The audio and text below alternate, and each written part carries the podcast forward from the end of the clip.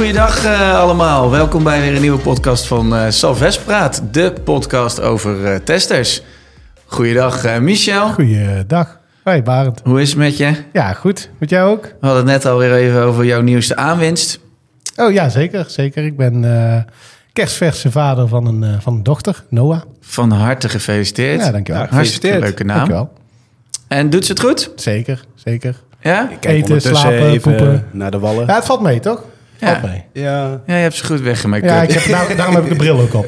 goed in de visagie geweest Ja, vandaag. precies. Ja, Maar eh, het slapen gaat goed ook. ja zeker. Je bent fris genoeg voor een podcast op te Fris nemen. genoeg voor een podcast. Altijd. Hè? Fijn. Midden in de nacht kunnen we Michel nog eh, vragen Zo om een podcast te maken. Ik kan me er altijd voor bellen. Ja. Oké, Hij ging er ook echt voor zitten vandaag. Zeg van lekker. Ik, eh, Ja, ik ben er was klaar al- voor. al vroeg op het werk al. Dat is ook een voordeel als je Ja, dat als je een waar. dochter hebt, dan eh, ben je vroeg wakker. Dus dan eh, kun je om een uur of vijf hier naar kantoor komen. Lekker man. Ja. Ja, nou helemaal goed.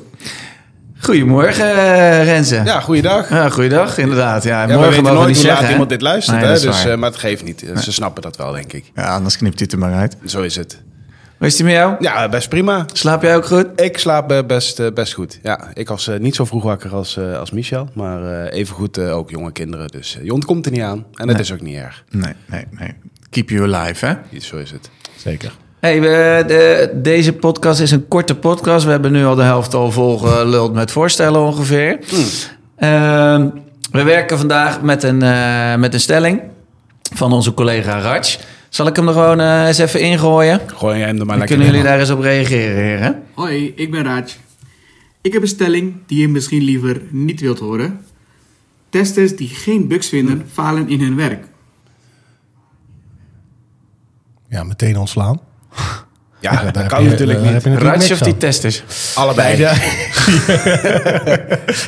Ja. Nee, ja, ehm, eh, nee, nee, ben ik het eh, absoluut niet mee eens. Ik eh, denk zelfs dat eh, zelfs hele goede testers die geen bugs vinden, alsnog eh, waardevol kunnen zijn voor de klant.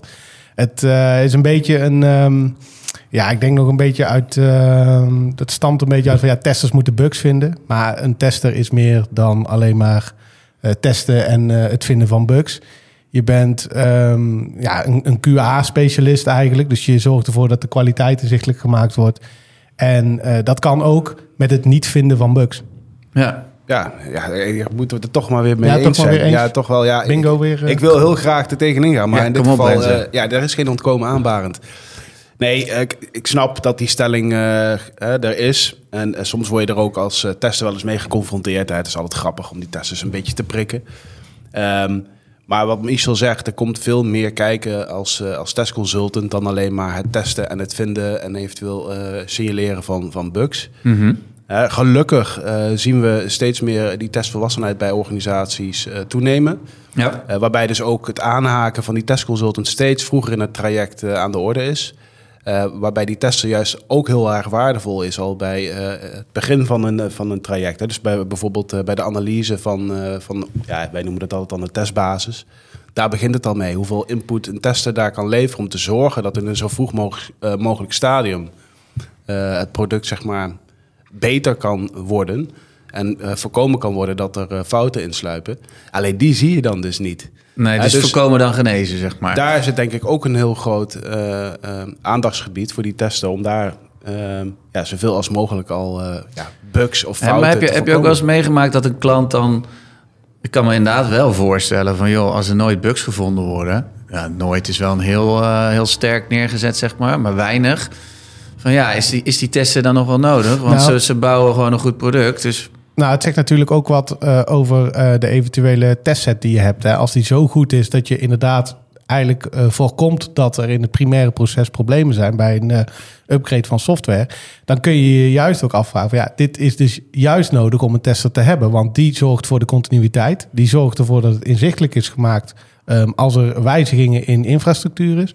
En die, zorgt, die kan je dus ehm, op, een, ja, op een presenteerblaadje eigenlijk geven hoe goed de kwaliteit is. En of dat je ehm, eigenlijk kan het advies geven om wel of niet live te gaan. En als er dus geen bugs zijn gevonden, ja, wil dat niet per definitie zeggen dat de tester dan ook niet goed is. nee. Nee, zeker. Mee eens. Kijk, en ehm, volgens mij hebben we het in een eerdere eh, podcast er ook wel eens over gehad. Dat ehm, de, die, die waarde van die tester is soms heel lastig eh, uit te drukken in... eh, Ja. nou, hè, eh, Ja, in waarde of in ja, geld. gewoon- of ja, in, precies. hè. Kijk, want eh, ehm, ja, soms lijkt het alsof eh, of we vooral heel veel tijd kosten en geld hè, als, als consultant zijnde. ja. Ehm, maar het is heel moeilijk om dat, zeker in trajecten waar dingen best goed verlopen, want dan kun je afvragen van ja, waren jullie dan wel nodig geweest? Ja. Ja, dat is heel Ja. lastig aantonen natuurlijk. Kijk, Ja, je kunt precies. wel eh, in het voortraject, hè, wat ik net al zei, kun je al heel veel waarde toevoegen. Ehm, maar op het moment dat er geen bugs meer eh, gevonden worden, ja, dan is het natuurlijk een beetje gek om te denken van, nou, dan hebben we die testers niet meer nodig. Ja, hoe moet Nee. je dat tegendeel dan bewijzen? Ja, zeg het maar. Heb jij daar eh, ideeën bij hoe Nou je ja, dan kijk- het tegendeel bewijst? Nou, ik zit er net ook over na te denken. Kijk, een tester is ve- veelzijdiger dan alleen maar testen. Kijk, op het moment als er geen bugs meer te vinden zijn... of het risico is heel laag op eh, het vinden van bugs...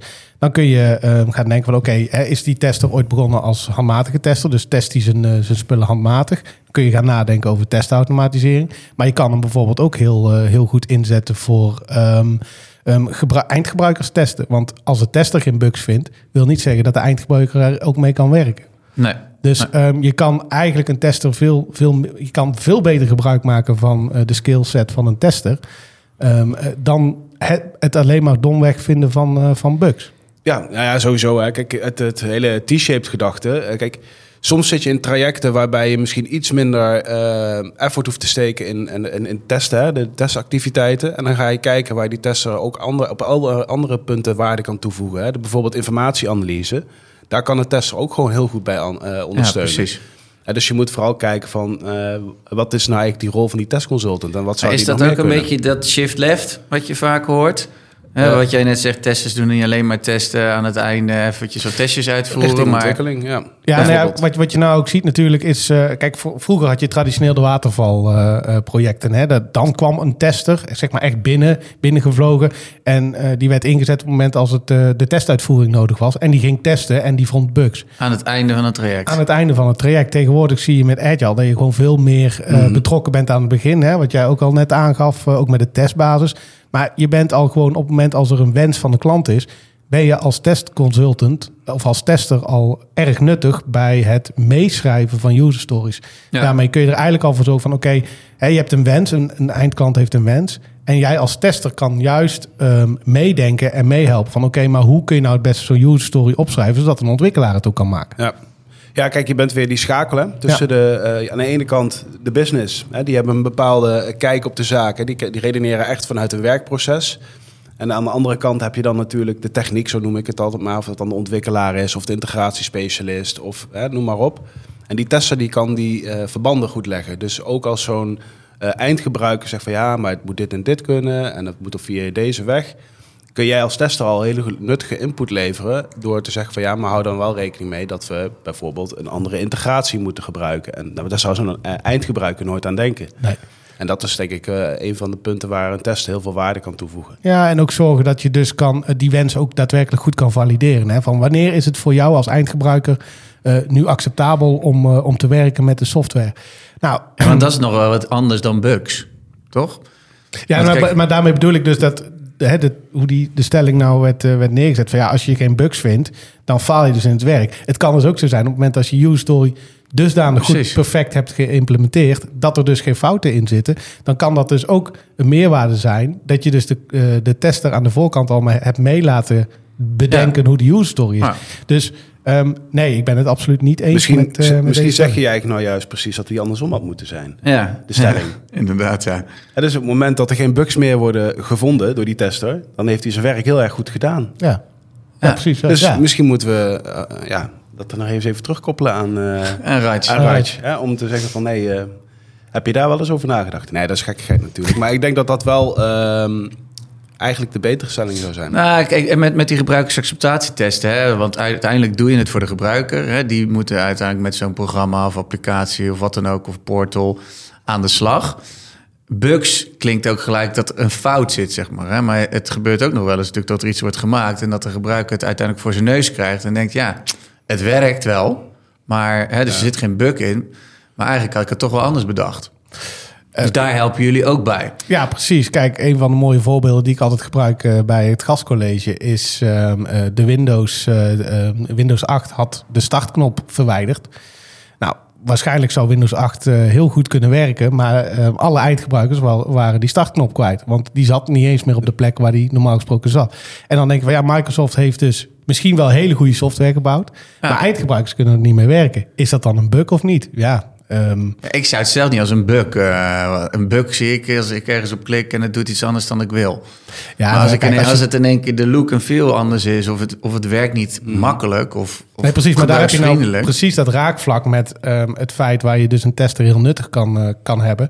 Kijk, Microsoft heeft dus in dit geval ehm, misschien bugvrije software opgeleverd, maar Ja. heeft niet geluisterd naar de eindkant. En dan alsnog gaat niemand ermee werken. In, overigens heeft Microsoft geluisterd, want in volgens mij 8.1 hebben ze die startknop weer terug. Ja, en hij zit er nou nog steeds snel een fix. Ja, precies. Ja. Het knopje terug. Nou, Ja. er kwam al heel snel een toeltje, zeg maar, om weer die eh, startknop naar voren te toveren. Ja. Dus dat werd ook massaal natuurlijk eh, toegepast.